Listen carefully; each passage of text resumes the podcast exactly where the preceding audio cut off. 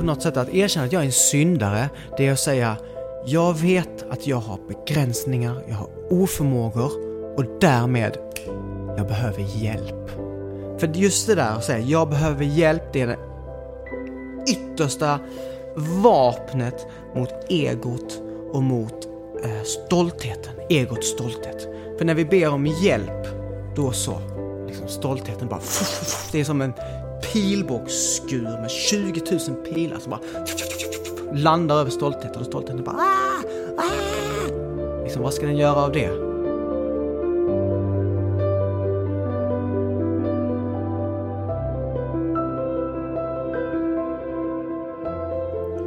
Hejsan svejsan och välkomna till podcasten Samtal i min husbil.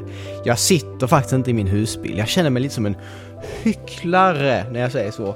Men man måste vara ärlig. Sanningen ska göra er fria, säger Jesus Kristus. Jag gjorde ju en podd hela sommaren när jag åkte runt i min husbil från Ystad till Haparanda. De skrev om mig i tidningen, folk ringde som galningar, folk jagade min husbil och ville ha autografer. Men jag sa, jag är inte mer än någon annan. Jag är inte större än dig, jag är inte större än dig. Kanske större än dig, sa jag till någon. Riktigt tönt. Nej, jag skojar bara. Jag har väldigt mycket energi. More passion, more energy, more passion, more energy. More... Var kommer det ifrån? Det är frågan. Nej.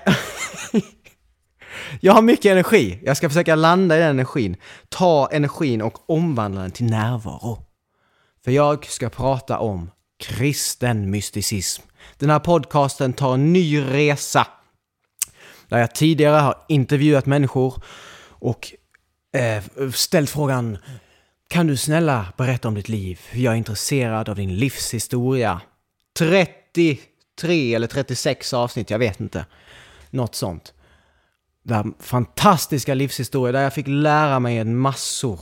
Min, mitt intresse för andlighet och, och tro, religion har blommat och utvecklats därefter. Det var ett halvår sedan. Och oj, har jag så lite in, i batteri? Ja, 26 procent. Det är lugnt, ni kan vara lugna.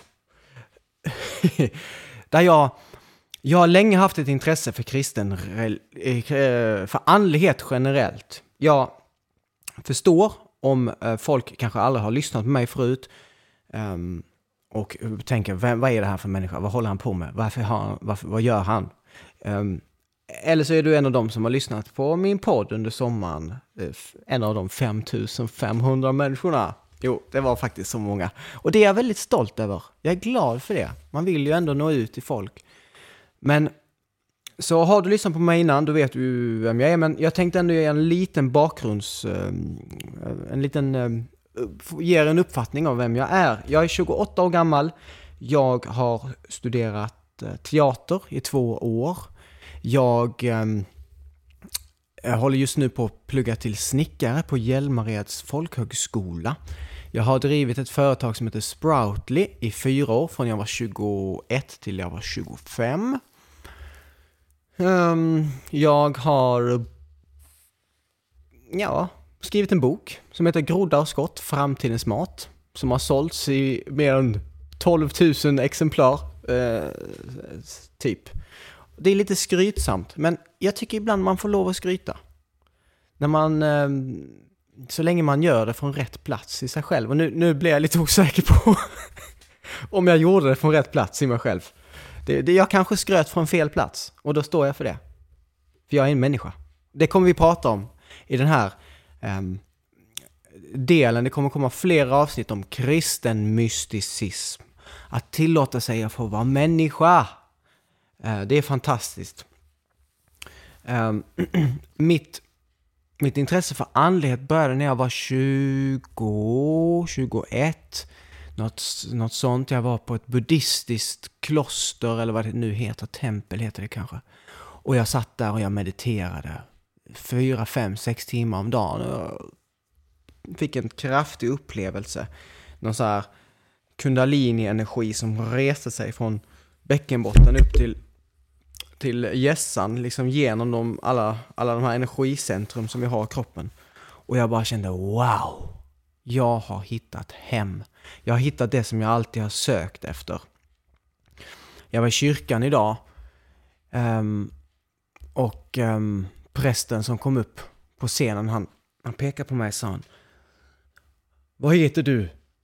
Så, så pekade jag på mig själv och sa Jag? Ja, du. Jonas. Jag fick till mig att jag ska säga till dig.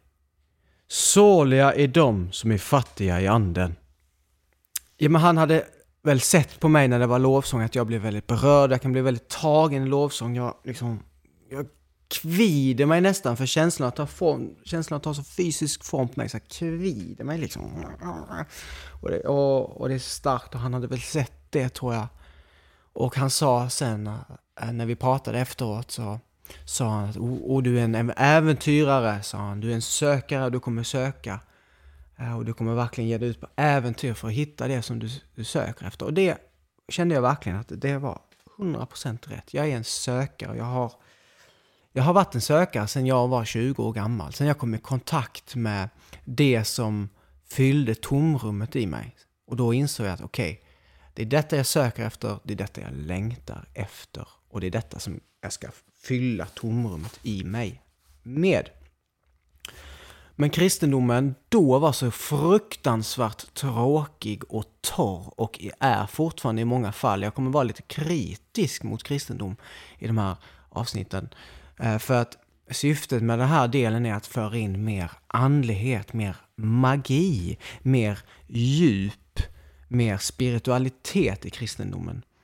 Och det eh, får oss, tar oss i det här samtalet höll jag på att säga, men det är en monolog det jag håller på med nu. Det tar oss till ordet mysticism. Vad är mysticism egentligen? Sitter några av er och tänker på.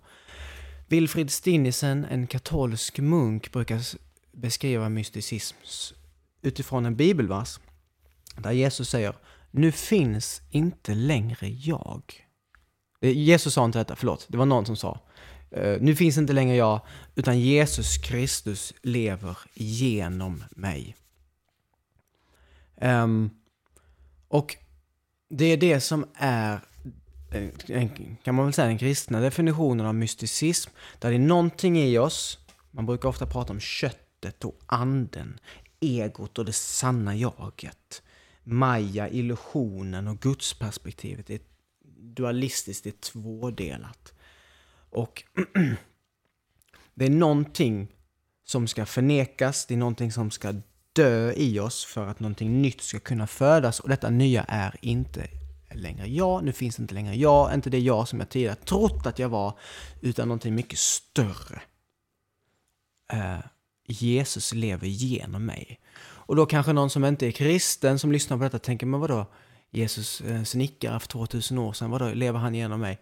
Jesus är en snickare för 2000 år sedan för att vi ska kunna greppa taget om den inkarnerade guden. Men vi får inte stanna där, för i vår andliga resa så utvecklas det här begreppet, de, den här idén av Jesus, för det är bara en idé av Jesus. Och det måste utvecklas och det måste gå och bli så mycket större. Där vi till och med inser att oh shit, Jesus är så mycket större så att mina ord, begrepp och koncept kan inte ens förklara vad han är han är liksom ett med allt. Och mm, jag har känt att det funnits ett behov av att prata om detta. För jag själv personligen känt i många kyrkor att oj men vad det är stelt, oj vad det är tråkigt. Folk bara sitter på en rad framför en scen och ja nu ska vi ställa oss upp och be en bön. Tack gode Gud för den här dagen. Och det är så tråkigt liksom. Och det är så... Eh, det finns ingen... Det finns ingen humor, det finns ingen teater, det finns ingen eh, passion, det finns ingen energi. Och jag har känt att okej, okay, jag, jag tar mig an den uppgiften att föra in eh, djupet, föra in andligheten och magin in i kristendomen. Och också intressera många människor som kanske annars känt som jag att oh shit vad tråkigt kristendomen är. Och fy vad tråkigt det är som jag har känt. Att då kanske man kan höra mig prata om det och känna att men shit, det finns ju så mycket mer. Det finns ju så mycket syfte bakom alla de här grejerna. Och det finns ett djup och det finns andlighet och det finns magi. Magi. Um. och jag då som har varit mycket i de här svängarna, som många skulle säga, new age-svängarna. För det finns ju en tendens att dra allting som inte är kristendom, allting annat som är andligt, under en och samma kam. Eh, där vi kallar det för new age shit. Och det är ju väldigt new age shit, eller new age ikt. New age shit kanske vissa säger. Um, och det är ju ganska um, trångsynt skulle jag säga att hålla på sådär. Och det tyder också mycket på människors okunskap om annan andlighet och tro än kristendom. Jag har haft stort intresse tidigare för Hare Krishna, för buddhism och ehm, um, Eckart Tolle har jag läst mycket av. Um, nu kommer jag inte ihåg, men man har läst mycket av de där böckerna och tantra är spännande. Och, um, olika yogimästare som pratar om olika saker och det finns otroligt mycket att hämta därifrån. Men för min del så kände jag att att prata om Gud som liksom, åh Gud är ljus, Gud är kärlek, Gud är där liksom. Eh, så stort. Och sen så säger de kanske att du är Gud och du är samma, du är ett med allt. Och jag bara, ibland kanske man kan eh, sväva in i det där och bara liksom dansa in det och bara känna wow, jag är Gud, jag är ett med allt. Men när man lever ett vanligt liv, man går på folkhögskola, man, man känner sig exkluderad, man, man känner man, man bråkar med någon eller man jobbar eller liksom lever ett vanligt liv på den här jorden. Då behöver vi en jordad. Vi behöver en grundad religion. Och det är det som jag, liksom jag tror jag försöker föra samman två världar. Jag försöker, för, för, jag försöker ta de kristna och få intresset för andligheten, spiritualiteten och magin. Och jag försöker få de här människorna som har tänkt att fy vad tråkigt kristendomen är. Och jag gillar spiritualitet och andlighet men det finns ju inte i kristendomen. Jo, det finns här. Kom hit. Det finns här också, men det är bara det att det har tryckts undan av onda män som har tryckt bort andligheten, som har försökt dölja det, som har ändrat texter i Bibeln, som har eh, översatt eh, fel för att hålla borta andligheten. En översättning, eh, himmelriket finns inom oss, det är en jätteandlig, spirituell eh,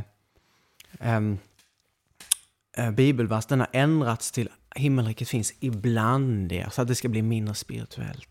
En, en bibelvers um, på engelska i King James Bible står det When the eye is single, the whole body is filled with light. Alltså när ögat är ett. Som de pratar om i den österländska filosofin, det tredje ögat, energis, det sjätte energicentrumet. När det är ett, när vi kan få ett etthetligt perspektiv, gudsperspektivet då är hela kroppen fylld med ljus. Det är så otroligt andligt, det är andlig praktik. Men det har ändrats också till när ögat är friskt. Vad är det? Luddigt, liksom. Vad friskt öga. Um, så jag, jag kommer vilja prata mer om det, hur vi ska eh, vara öppna för att det alla biblar, liksom alla översättningar är inte heliga, utan det finns ondska eller eh, giriga män som har velat eh, trycka bort eh, folks andlighet. Um, jag vill prata lite om varför vi behöver en personifierad Gud, för jag var lite på det innan. Jag tappade tråden där kanske lite. Um, där vi behöver en personifierad Gud, för som jag sa, vi behöver grunda oss, vi behöver jorda oss, vi behöver ta det här, ja, oh, Gud är ett, Gud är eh, ljus, Gud är kärlek. Vi behöver packa ihop det där, packa ihop allting det där, packa ihop allt och bara... Gud är Jesus, Guds son och han dog på korset för min skull och han är min bästa vän och han finns med mig i alla lägen. Jag kan sätta mig ner på knä när som helst eller bara knäppa händerna och jag kan be till honom när som helst. Jag kan lägga mitt liv i hans händer. Jag kan be, snälla Jesus, det här är för jobbigt för mig. Får jag lägga det i dina händer? Ja. Och jag bara känner hur axlarna sjunker ner. Jag kan be för mina vänner i Jesus namn och det blir personligt. liksom. Um, och vi behöver en personifierad Gud av de här sakerna, men också för att Gud behöver möta oss i våran begräns begränsning. Det är återigen det, hur kristendomen skiljer sig från många andra religioner. Kristendomen pratar mycket om synd, vi är syndare. Och det kan låta Så här, var, varför prata om vår begränsning? Varför inte prata om våran, ah, vi är Gud, vi är ett med allt. Jo, för då hoppar vi mil steg i förväg, för vi är inte där ännu. Vi kan inte hoppa in och bara säga, ah, men jag är kärlek, och jag är ljus. Bara, Men vadå? Det är du inte. Du är en människa, du har ett namn, du har en identitet. Grunda i det, landa i det. Liksom. Um, så att på något sätt att erkänna att jag är en syndare, det är att säga jag vet att jag har begränsningar, jag har oförmågor och därmed jag behöver hjälp. För just det där att säga jag behöver hjälp, det är det yttersta vapnet mot egot och mot eh, stoltheten, egots stolthet. För när vi ber om hjälp, då så, liksom stoltheten bara, det är som en pilbågsskur med 20 000 pilar som bara landar över stoltheten och stoltheten bara ah, ah. Liksom, vad ska den göra av det? Vi behöver, jag ser ibland den här kristna eh, filosofierna och liksom vägen till Jesus Kristus, det är perfekt planerat. Liksom. Och jag behöver hjälp, just det där. Det är bara så kraftfullt. Jag behöver hjälp. Jag är inte Gud, utan jag är en människa med en identitet. Och jag behöver hjälp i resan mot dig, Kristus. Mot urkraften. Jag kan använda mig av, jag kan säga mot urkraften, mot kärleken, mot ljuset, mot Kristus. För alltid när vi pratar om det här yttersta, då är det ord, begrepp, koncept är begränsande. Eh, Oscar Wilde sa To define is to limit. Det måste eh, ni kristna som har varit kristna länge. Jag kritiserar ofta kristna som har fastnat i den här tron om att de är liksom bokstavs och ordtroende. Där vi tänker liksom att men Gud är det här och Gud är det här och himmelriket är så här. Och... Nej, vi måste förstå att det yttersta, det är eh, Vi kan inte sätta ord på det, vi kan inte förklara det, för det är så mycket mer än vad vår hjärna är kapabel till att uttrycka.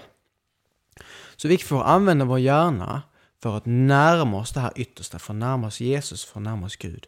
Men det kommer komma till ett stadie där vi står vid klippans rand och vi till slut bara, okej nu, nu så kan inte orden, begreppen och koncepten hjälpa mig längre.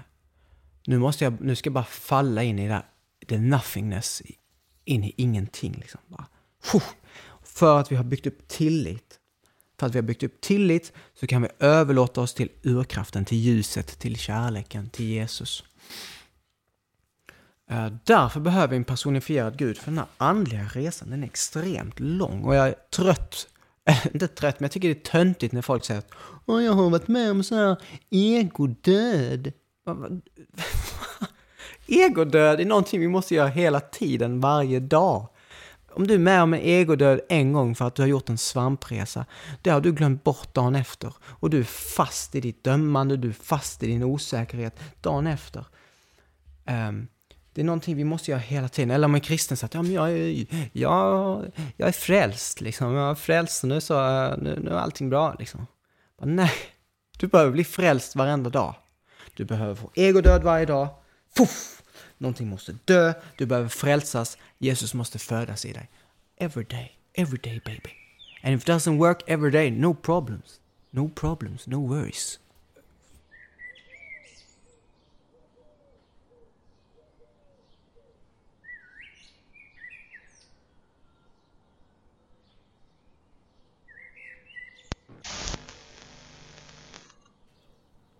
En människa skulle kunna nå Gud, ljuset, urkraften utan Jesus. Utan eh, dopet, utan eh, brödet som vi ska äta, äta Jesus kropp och dricka Jesus vin. Eh, de grejerna är inte liksom ett måste. Det är, så tror jag. Jag säger inte att det är så, jag säger att jag tror så. Men jag säger att det är ett extrem hjälp för att man skulle inte bara kunna säga psykoanalytiskt så här Ja, men du måste lära dig förlåtelse, du måste lära dig att släppa taget om ditt ego, du måste lära dig att be om hjälp. Sen så måste du ha tillit Men vad då? Vad är det jag ska få förlåtelse från? Vad är det jag ska ha tillit till? Vad är det mitt ego ska släppas från och till? Vi behöver en story, vi behöver en berättelse. Det, det var därför jag behöv, höll på med livshistoria sommar. För att vi kan inte ha en människa som berättar hur vi ska leva våra liv utan att koppla det till eh, erfarenhet, till livshistoria. Fattar ni det? Alltså att eh, det är därför vi behöver Jesus. Det var därför Jesus offrade sitt liv för oss, för att vi behövde en behövde en person, vi behövde en personlig historia för att allt det här skulle fungera. Så att Jesus offrade sitt liv och han skapade en perfekt teori, perfekt praktik, perfekt verktyg för att tränga sig ur egot, genom bort från det dualistiska perspektivet, gott och ont, rätt och fel, till ett enhetligt gudsperspektiv där allting bara är. Um, där, där vi kommer, och nu pratar jag liksom, nu, nu sätter jag ord på då vad jag tror himmelriket är. Ett, bara ett varande, allting bara är. Vi kan kolla på naturen när vi frågar oss vad är himmelriket? Naturen är himmelriket. Naturen lever utan oro. Naturen lever utan eh, rädslor. Ja, oh, klart djuren är ju rädda när de blir attackerade men det, det är liksom utan oro. Ni fattar. Där har vi himmelriket, tror jag. Um, jag är väldigt så här, jag är en människa som lägger högt värde på våra känslor. Jag gillar att jobba med mina egna känslor. Jag gillar att hjälpa människor i sina känslor. Att, att um, väcka, verkligen skapa ett känsloliv som påminner om barnens känsloliv. Jesus poängterade ofta att vi måste bli som barn och jag tror det är mycket barnens känsloliv vi måste komma åt. När jag var 22-23 år gammal så var det en dansk som blev kär i en rumskamrat, i min rumskamrat. Och han var så liksom, ja yeah, du måste, du må, du må verkligen få leva ut dina känslor Jonas. Eller handen på min axel bara, du må, om du är arg, du må bara skrika och bara kasta saker. Om du är glad, du må hoppa och studsa av glädje. Om du är ledsen, du må gråta så du ligger ner på marken och bara gråter, gråter, fan vad du gråter. jag vet inte om han sa exakt så, men och jag blev så inspirerad av honom. Jag kände bara wow, this man, he knows how to work with the feelings. Um, så uh, jag blev inspirerad av honom och jag har tagit mycket, jag har aldrig sagt det till honom. Jag skulle kunna skicka iväg ett sms. Säga liksom att jag kommer fortfarande ihåg dig. You inspired me man. Um, och jag har en, jag har en uh, egen teori, eller vad ska man säga, en filosofi om känslor som är väldigt inspirerad av um, um, vad heter han nu igen? Wilfred Stinnesson, katolska munken som jag, som jag ser som min mentor. Där, där vi har känslor som en, tre, som en pyramid. Och um, Nere, längst nere på högra sidan där har vi oron, vi har räds... Eh, vi har, nej, vi har oron, vi har um, andra tunga, uh, lågfrekventa känslor som uh, stress, irritation, frustration.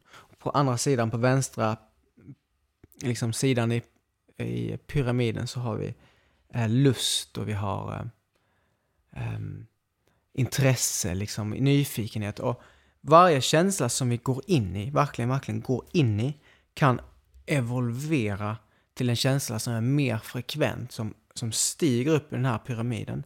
Så kanske nyfikenhet går till um, glädje, säger vi.